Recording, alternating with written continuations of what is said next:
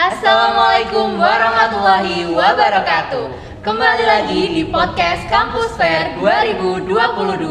SBL SBL SBL seru banget loh. Kembali lagi sama aku Tia. Dan aku Ervan.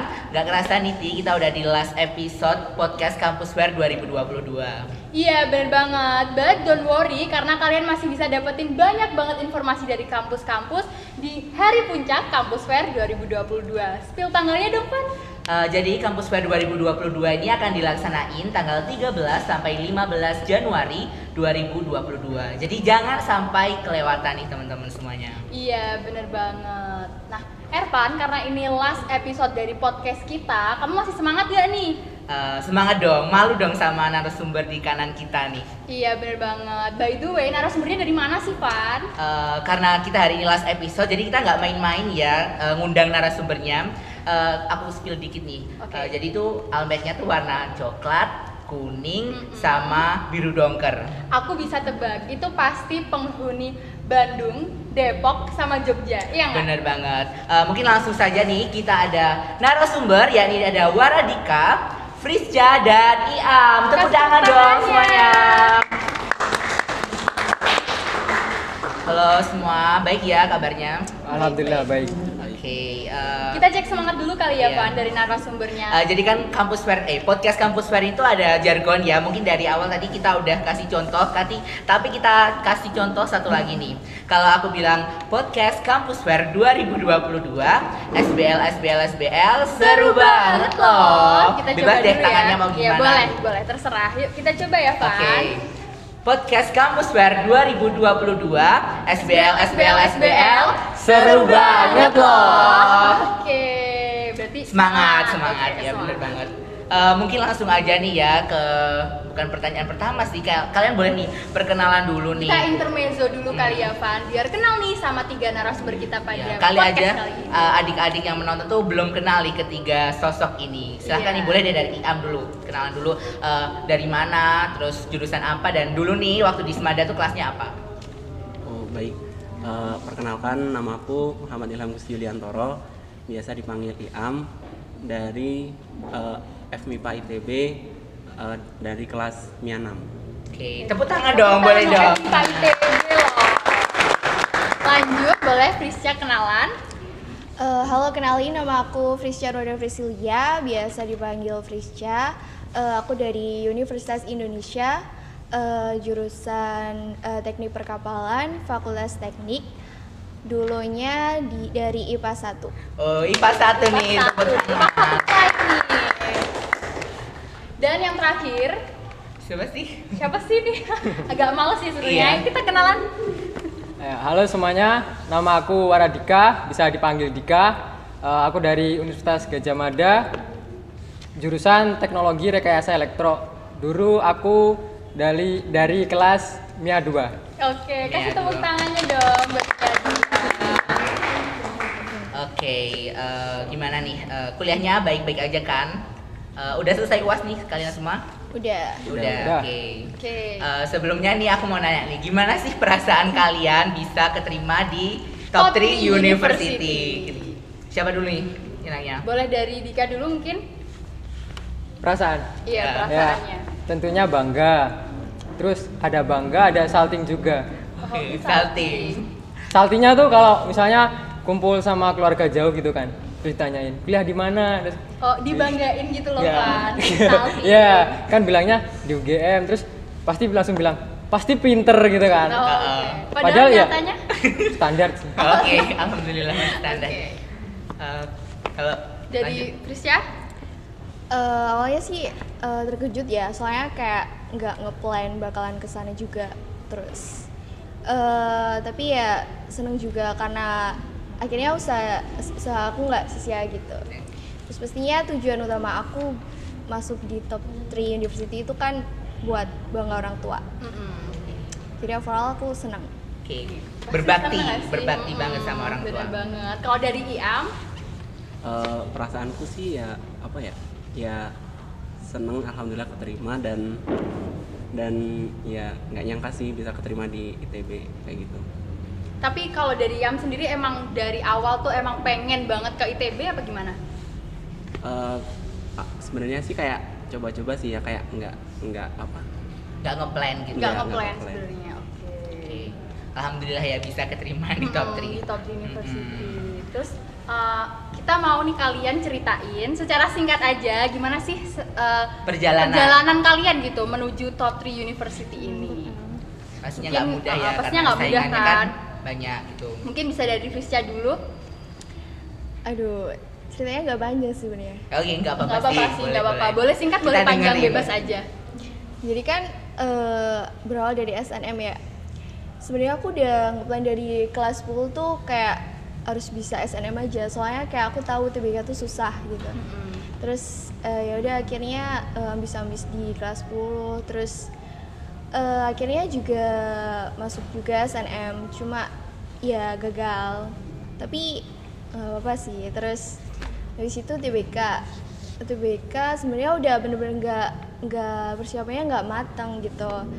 Terus eh, keterima juga cuma di jurusan kedua dan itu aku sebenarnya nggak nggak sebegitu serk lah. Ya, nggak expect ke situ Iya. lah ya. Terus abis itu aku coba lagi di Politeknik eh, keterima juga. Ya akhirnya aku ambilnya yang Politeknik karena emang jurusannya lebih bagus di situ. Terus kan simak ini aku daftarnya sebelum TBK. Nah eh, ya udah kayak daftar itu pun juga sebenarnya udah plan keberapa gitu. Aku udah masuk di Politekniknya, udah bayar juga. Eh nggak taunya keterima deh di sini. Ya udah diambil yang di sini. Berarti berjuang sampai titik Sampai darah titik darah penghabisan. gitu ya Betul banget. Eh, mau siapa nih dulu Iam atau Dika dulu mau Iam? Iam. oke Oke, Iam boleh Iam dulu, boleh. Silakan, Iam. gimana gimana Eh, jadi eh, gimana sih eh, kamu bisa sampai di titik sekarang nih masuk ITB itu Perjalananmu tuh perjalanan gimana sih mau masuk gimana? ke ITB? perjalanan masuk ke ITB eh, dimulai dari mana? SBMPTN ya boleh deh Boleh, terserah boleh. Terserah boleh, bebas. Eh, sebenarnya kalau eh, masuk ITB itu sebenarnya dari SBMPTN doang ya karena kalau SNMPTN kan eh, milihnya ke ITS tapi kalau SBMPTN ini udah kayak di apa dibebasin sama orang tua untuk milih terserah milih ke mana kalau SNMPTN kan masih kayak eh, daerah gitu Masih kayak cari aman gak sih Iya, waktu itu? aman. Iya, heeh. Jadi kalau SBMPTN ya eh, dibebasin ke ITB dan dan nggak nyangka padahal itu persiapannya cuma dua minggu kalau nggak salah. Mm-mm, Keren banget dua Nah, minggu dua lolos minggu. ke ITB. Eh, karena dia udah terbiasa berpikir Iya mungkin sih. ya jadi kayak mungkin jago ngerjain dua UTBK. minggu tuh fokus UTBK-nya aja, tapi belajarnya udah lama banget. Kalau kamu dua itu- minggu? Dua minggu ya baru belajar dari nol. Oke. Terakhir Yang nih terakhir terakhir. dari Dika. Eh, perjalanan aku di UGM nekat sih. Oh iya nih. Awalnya kan SNM, SNM udah pede kan. Kan dua pilihan aku taruh di apa di satu univ. Ternyata ketolak semua. Akhirnya aku sama temen aku kan langsung kayak sok-sokan ambis gitu kan. Oke. Langsung bikin grup gitu. Ah, apa nama Grup nama ambis. nama grupnya itu belajar gitu. Oh, grup Oke, belajar. Nah, terus apa eh, setelah ketolak SNM itu kayak jangan sampai dikasih semangat lagi sama LTMPT lah. Hmm, Eh. Biasanya kan dikasih semangat kan seneng, kecuali kan- sama LTMPT. Hmm, betul, betul Nah, banget. Nah terus habis itu eh, tiga hari seminggu pokoknya tiga hari seminggu itu belajar di rumah temen satu satu anggota grup itu tadi. Mm-mm. Nah Itu dari Smada semua apa? ya dari bebas Smada, aja? dari Oh dari Smada. Satu semua. kelas sih, Oh, satu oke, kelas oke, yang oke. ketolak SNM semua. Tapi kayak itu grup-grup cowok-cowok nakal yang jadi tobat apa gimana? Alhamdulillah Mia dua nggak ada yang nakal. Oh alhamdulillah. Alhamdulillah, ya. banget Mia dua. Baik, Hidup Mia dua. Hidupnya dua. Terus eh, habis itu kan apa ikut kampus fair tahun lalu juga. Mm-mm. Nah terus ada ada kakak kelas yang apa di bimbingan belajarnya tuh sampai nginep gitu kan gara-gara di rumah sampai keganggu terus di grup itu apa anak-anak sampai mau nginep juga di bimbel sok-sokan lah pokoknya. Terus eh, akhirnya kan eh, min tiga lah milih prodi itu kan. Akhirnya karena kecewa aku nekat sekalian. Jadi pilihan pertama itu tinggi sekalian pilihan keduanya itu paling bawah sekalian. Terus ya alhamdulillah keterima pilihan pertama di UGM Oke, tepuk tangan dong Tangan teman-teman teman-teman banget nih dari tiganya benar-benar berarti usahanya dari awal sampai akhir banget ya Van Eh, buat teman-teman nih yang nonton kalian tuh harus banget mengambil faedah nih dari Iya, teman-teman bahwa berjuang tuh harus sampai titik darah penghabisan. benar dan Jangan- SNM tuh bukan jalan satu-satunya Bener banget. Oke, Eh, kita ke next. kita ke next pertanyaan aja kali ya Eh, eh, jadi eh, ini kan kalian beda-beda nih jurusan. Tapi alhamdulillah ini saintek semua nih nggak ada yang Iya, sosum. saintek semua ya. Eh, kalian kenapa sih milih jurusan itu? Tadi kan eh, Iam FMIPA ya bener ya. Iya, Eh, iya. terus Rizca teknik perkapalan, terus Dika juga Teknik rekayasa elektro. elektro. Kan. Boleh nih, kenapa kalian milih itu? Kenapa nggak milih kayak kedokteran Iya, ataupun jurusan-jurusan yang farmasi ya, ya? favorit, gitu, favorit eh, anak gitu. SMA lah ya. Boleh dari Iam dulu. Oh, kalau dari aku, kenapa aku pilih FMIPA? Karena eh, yang pertama mungkin karena kan di FMIPA itu kan kalau sekarang kan belum penjurusan ya. Mm-mm. Itu masih ada jurusan matematika, fisika, kimia, Biologi. lalu nggak biologi nggak ada. Oh, ada Oh, ada. biologi. astronomi sama aktuaria. Nah, itu kan berarti eh, ingin apa kayak keinginanku kan pengen masuk ke matematika. Karena di matematika itu kan eh, kayak prospek kerjanya kan ya ya boleh dikatakan bisa sih. Kar- Terus selain itu ya eh, salah satu cita-cita aku kan ingin jadi dosen atau guru gitu. Oke. Mulia sekali Iya, nih jadi guru apa dosen gitu. Berarti dari ITB pengen lanjut S2 dong Iam. Iya, insya Allah. Insya Allah. Ya Allah Amin, amin. amin. Kita bantu aminin ya teman-teman. Lanjut kalau dari Rizka sendiri? Eh, kalau aku dari pribadi, eh, aku pribadi sih emang dari awal aku tuh pengennya tuh teknik gitu. Tapi eh sadar diri kalau teknik tuh tinggi tinggi ya, karena aku pengen di ITS tuh. ITS kan tinggi tinggi. Akhirnya aku dari SNM, SBM aku nggak pernah ngambil teknik karena takut lah ya. Mm-mm. Terus abis itu waktu simak kayak kan si- simak tuh kayak plan keberapa gitu. Akhirnya aku mikir coba deh sekali aku milih apa yang aku pengen gitu terus ya udah akhirnya nekatlah ngambil itu akhirnya ya udah keterima di apa yang aku pengen gitu Bagus sih ya ceritanya. Eh, sangat menginspirasi Sangat nih. menginspirasi Bahwasanya ya itu tadi kita tuh nggak boleh nyerah di tengah jalan Iya, harus sampai dapat kalau bisa. Eh, lanjut nih terakhir Dika gimana? Alasan milih rekayasa elektro kenapa? Alasan aku soalnya kakak aku sih kakak aku juga teknik elektro dulu. Terus apa? hmm, aku lihat-lihat prodi-prodi teknik elektro di UGM itu juga ada kelas ikatan dinasnya sama PLN. Oh, Jadi kayak uh, aku kayak udah tahu lah kayak ngelihat kakak aku itu kayak gimana gimana jadi uh, udah tahu ke depannya lah kayak gimana nanti. Oke. Eh, ini ya Kita- itu ya teman-teman. Eh, apa intinya bahasanya eh, kalian tuh harus apa ya? eh, harus bisa memikirkan nih dengan matang-matang alasannya milih jurusan jangan asal comot iya, aja karena gitu. bisa aja kita tuh capek di tengah Heeh. jalan. Jadi jangan sampai kalau kalau capek tapi di jurusan yang kita mau tuh kayak lebih ini nggak sih Heeh, lebih lebih- ikhlas nggak sih iya, jalaninnya iya, ya kan daripada udah capek di jurusan yang kita nggak suka. Seperti yang kita bahas nih hari ini kan kita nih ceritanya temanya tuh culture shock nih di Mm-mm. top 3 university. Nah, kalian kan juga udah eh, kuliah nih satu semester. Mungkin eh, apa sih ya eh, selama perkuliahan satu semester ini apa yang menjadi kesulitan nih? Kalian kalian ka- kan ini yang nonton kan adik-adik kelas kita ya. Jadi mereka tuh bisa tahu eh, gimana sih perkuliahan sebenarnya. Tapi bukan maksud nakut-nakutin nih ya. Ini kita hanya sharing Pengen aja. sharing aja sih kalian di semester 1 tuh sebenarnya kita nih maba tuh ngapain aja sih? Gitu. Boleh mungkin dari Dika dulu. Ya, awal-awal sih kayak kan awalnya minggu pertama itu kayak masih ya kenalan biasa lah, belum ke eh, kuliah yang kayak serius gitu. Mm-mm. Nah akhirnya masuk minggu-minggu selanjutnya tuh kok gini? Oh, kok gini? Shock. Apalagi kan kaget kan, apalagi apa prodiku itu mayoritas anak SMK, jadi kayak kayak ya kayak ketinggalan lah, Iya, iya. SMA tuh ketinggalan. Terus eh, pernah kan waktu praktek itu kan eh, misalnya aku waktu praktek itu kan beli komponen waktu SMA kan resistor kan cuma gini-gini doang Iya, iya, ya iya. kan Di gambarnya tuh cuma gini-gini nah, doang ya. waktu itu aku beli ke toko elektronik mas cari resistor sama masnya ditanyain yang gelang berapa Hmm. maksudnya mas ya gelang berapa saya cari resistor mas iya gelang berapa gitu akhirnya dijelasin sama masnya Iya. malah malah dapet ilmu dari Masnya ya, masnya. masnya jual ya. jual listriknya tadi. terus akhirnya paham ya udah beli Oke, Oke, lanjut aja. lanjut langsung ke Prisca. Eh, apa ya Eh, awal-awal masuk tuh ini dulu di kayak digembleng gitu sama seniornya karena aku dari eh, departemen teknik mesin ya Oh, iya, jadi tuh kayak keras gitu ya Mm-mm. Eh, jadi senior tuh kayak nuntun kita seangkatan tuh harus solid gitu Mm-mm. terus akhirnya suatu saat kita bakal dilepas sama senior terus apa ya kalau masalah akademis itu menurut aku masih mendasar ya masih kayak ngulang di SMA mungkin ada satu dua mata kuliah aja yang buat aku harus effort lebih gitu aja sih Kamu kayak dapet ini gak sih fisika dasar? Eh, gitu-gitu iya nggak? fisika fisika mekanik Oh fisika mekanik gitu ya.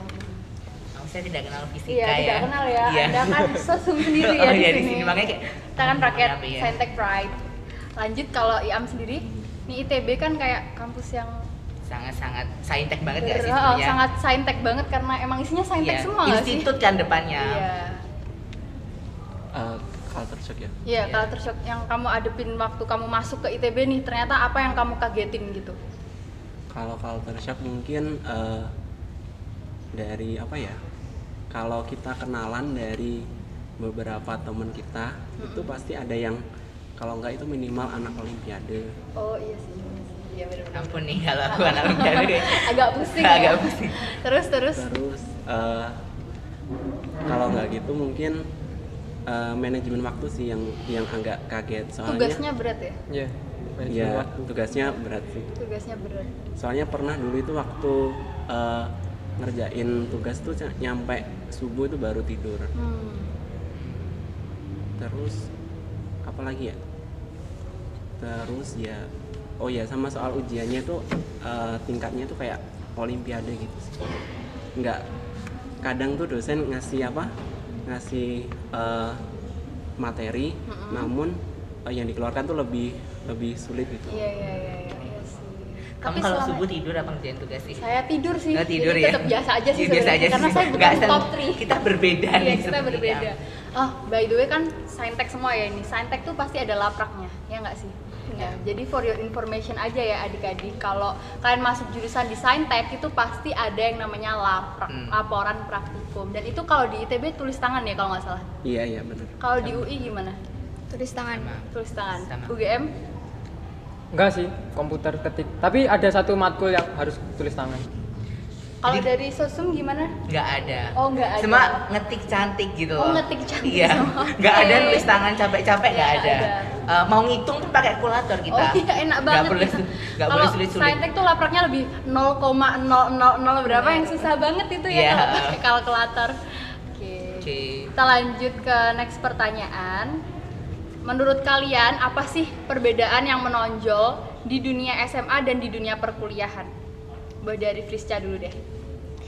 Eh, kalau aku sih paling menonjol keaktifan ya. Karena aku SMA tuh kayak lebih Diem. fokus iya fokus akademis aja. Paling sekolah les pulang gitu terus. Mhm.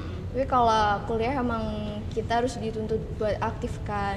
Itu udah kayak aku udah mulai eh, apa sosiali- sosialisasinya mungkin eh, udah mulai meningkat juga. Terus banyak banget kegiatan gitu. Meskipun sabtu minggu tuh mesti ada aja acara dari fakultas gitu.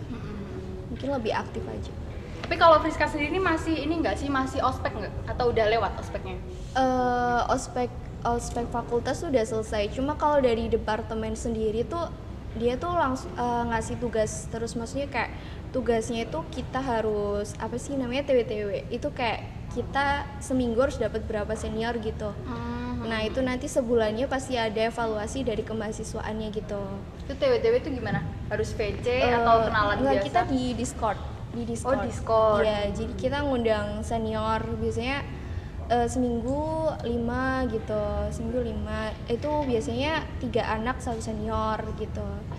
Itu nanya-nanya kuliah lah. Itu dari eh, 2020 angkatan 2020 sampai 18 yang oh, paling berarti atas ah, sampai ke atas. Iya. Uh, jadi nggak boleh kupu-kupu kuliah Hmm. pulang kuliah pulang tapi kura-kura kuliah Kuliah rapat kuliah rapat. Iya. Iya, bener banget. Kalau dari Dika sendiri, apa yang membedakan dari masuk SMA ke masuk kuliah? Jam kesibukannya sih. Kalau SMA kan biasanya sibuknya di sekolah, sambat gitu di sekolah Iya. capek. Di rumahnya kan nyantai. Kalau kuliah kebalik, kuliahnya nyantai, waktu matkul nyantai. Tugasnya Yes. itu. Nah, selesainya itu sore sampai malam yang baru sibuk, nggak ada Iya sih, nyantainya. Ah, sih.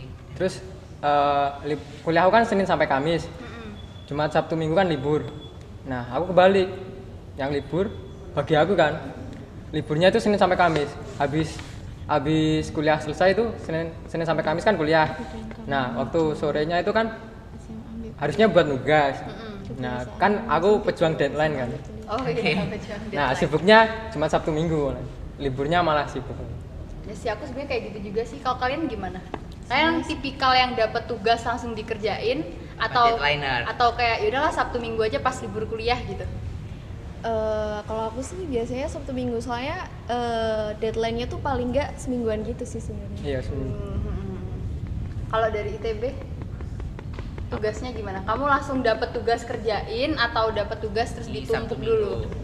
Kalau aku sih eh, aku tumpuk dulu sih ya. Yes. Oh ternyata ditumpuk semua. Saya kira kalau ITB tidak bisa seperti itu. Eh, sama aja sih mungkin. Sama aja sih ternyata. Mungkin ada kesibukan lain kan kita nggak tahu juga. Iya. Kalau ITB gimana? Ospeknya udah selesai apa belum? Ospeknya eh, itu sih os apa? Eh, ju- apa Osjur. fakultas? Osjur, osfak. Osjur Iya, apa? ospeknya itu Oh. yang udah selesai. Kalau osjurnya tuh belum selesai sih. Eh, satu semester berarti kita eh, apa osjurnya atau dua semester kan? Osjurnya itu eh, semester 3 sampai semester tiga berarti sem- baru mulai Oh, baru semester mulai. 3? Iya. oh gitu ya Oh iya, karena kan belum dapat jurusan, Ervan kan masih per fakultas kan. Iya.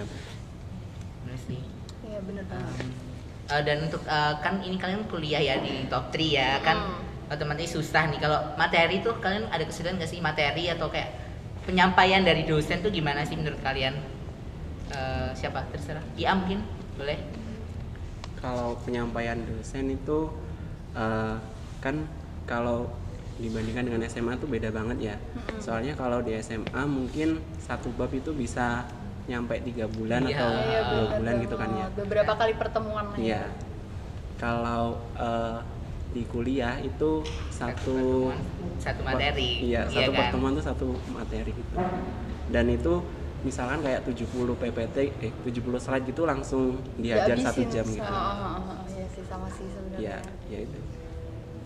Ka- kalau PPT itu nggak sih isinya kayak bahasa Inggris semua gitu nggak sih sama aja atau mungkin ada bahasa Indonesia juga gitu Iya, campur-campur. Oh, campur-campur ya tapi mungkin itu ya buat temen-temen di sini kayak bahasa Inggris itu wajib banget Iya, bahasa harus Inggris. karena banyak sih dosen yang ngasih literatur atau jurnal-jurnal tuh yang pakai bahasa Inggris gitu. Iya, jadi kita harus menyesuaikan diri lah. Iya biasanya kita tuh suruh cari ini nggak sih? Apa infonya tuh dari jurnal internasional kayak gitu kan. Iya. kayak sering banget kayak gitu. Jadi paling nggak tuh kita belajarlah basic-basic. Kan masih ada jeda nih guys. Sebelum masuk kuliah tuh bisa kali buat belajar belajar bahasa Inggris.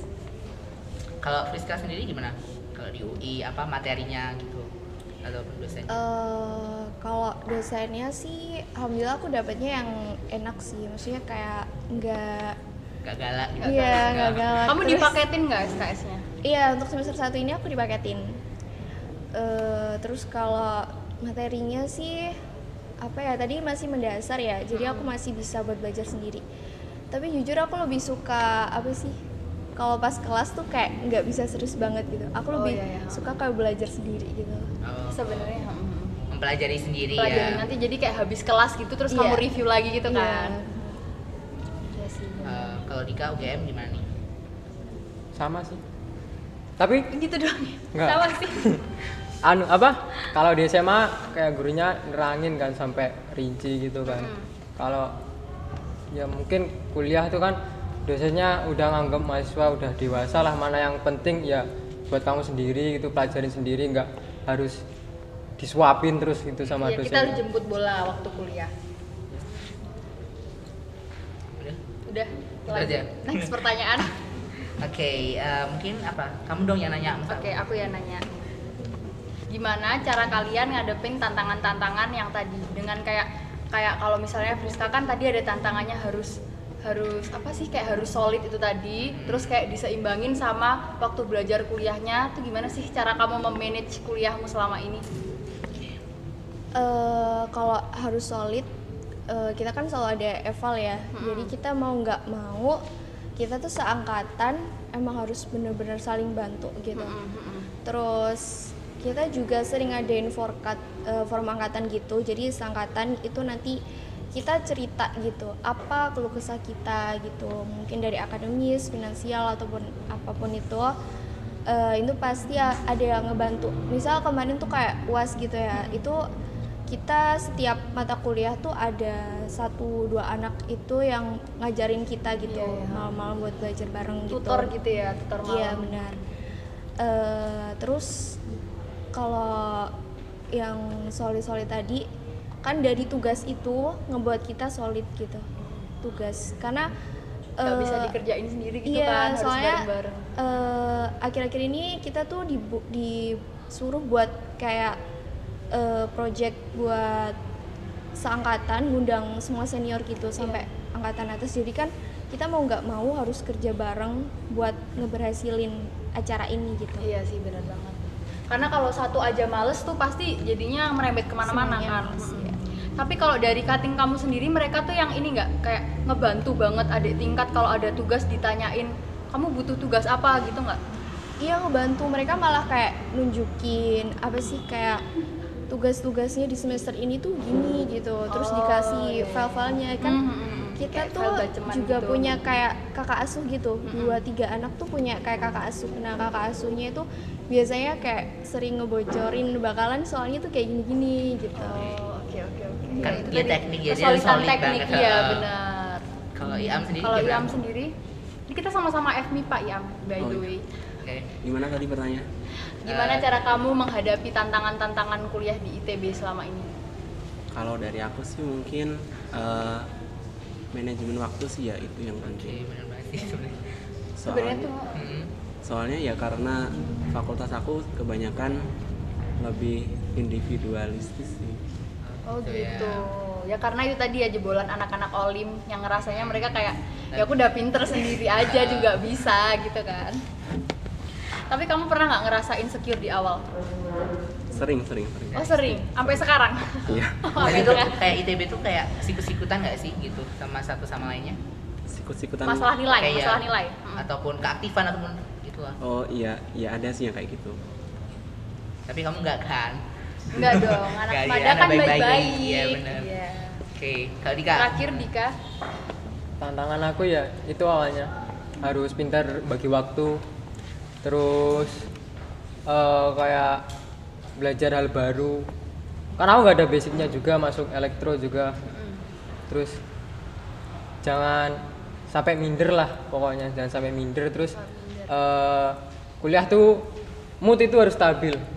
Sambat boleh tapi jangan sampai males keterusan. Cara naikin moodnya gimana nih? Spill dong, spill. ya. Support system kali Ya, ya. support system kali ya. Biasanya kan kalau teknik terkenal buaya katanya Oh, iya, sih bener. bener. tapi aku enggak sih Oh, oke. alhamdulillah Oke.